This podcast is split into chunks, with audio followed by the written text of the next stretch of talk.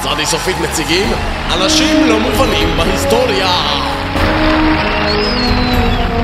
החיים בזבל. האחראי לתגלית היסטורית זו הינו אדם אחד, מרפי, הוגה ומקליד חוקי מרפי.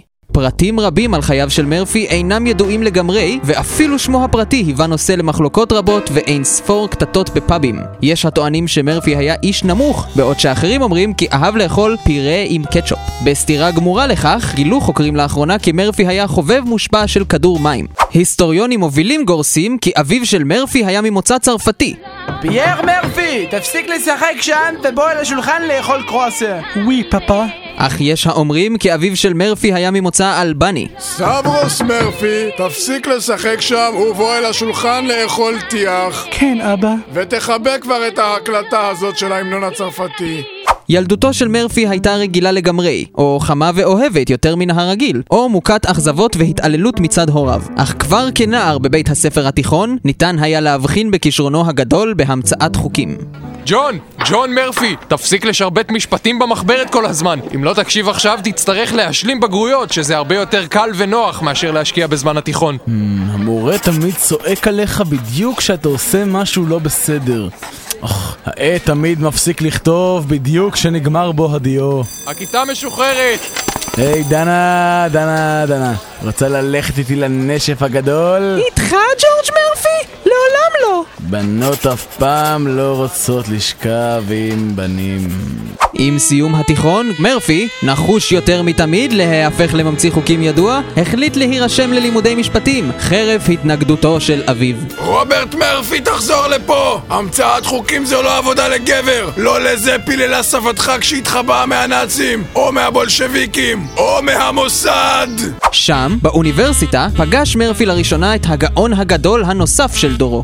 נעים מאוד, אלברט איינשטיין. קורנליוס ג'יי מרפי. אך מרפי לא ידע אז כי בבוא היום יהפך איינשטיין לאויבו הגדול ביותר. תגיד, מרפי, אתה חושב שבבוא היום אני אהפך לאויבך הגדול ביותר? לא יודע? מרפי ואיינשטיין נהפכו בתחילה לחברים טובים, אך עם הזמן החל איינשטיין לקנא בכישרונו הטבעי של מרפי להמצאת חוקים, ומעל הכל, בהצלחתו של מרפי עם הנשים.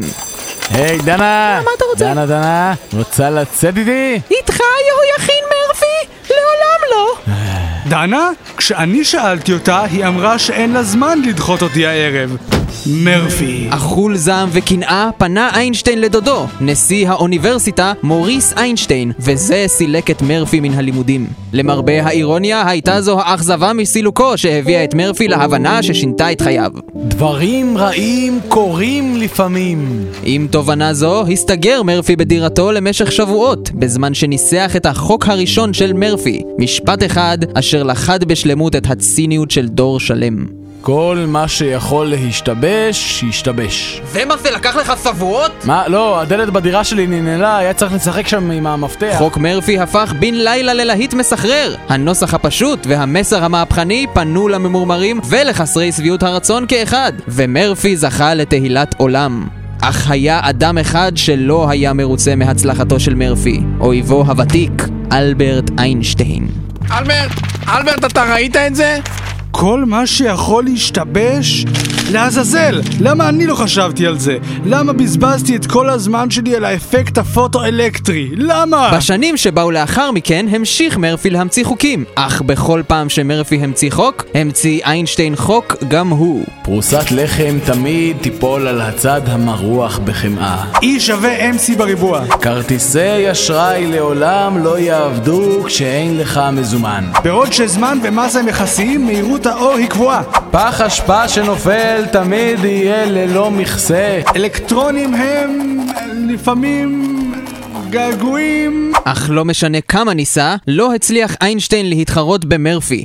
קובץ חוקי איינשטיין, שנודע גם בשם תורת היחסות, הוגדר על ידי מבקרים כלא מובן, חוזר על עצמו ומשעמם. איינשטיין, מי שהבין כי לעולם לא יתרום תובנה בעלת ערך לאנושות, נעלם אל נבחי האנונימיות. מרפי מצידו המשיך והמציא חוקים עד לימיו האחרונים.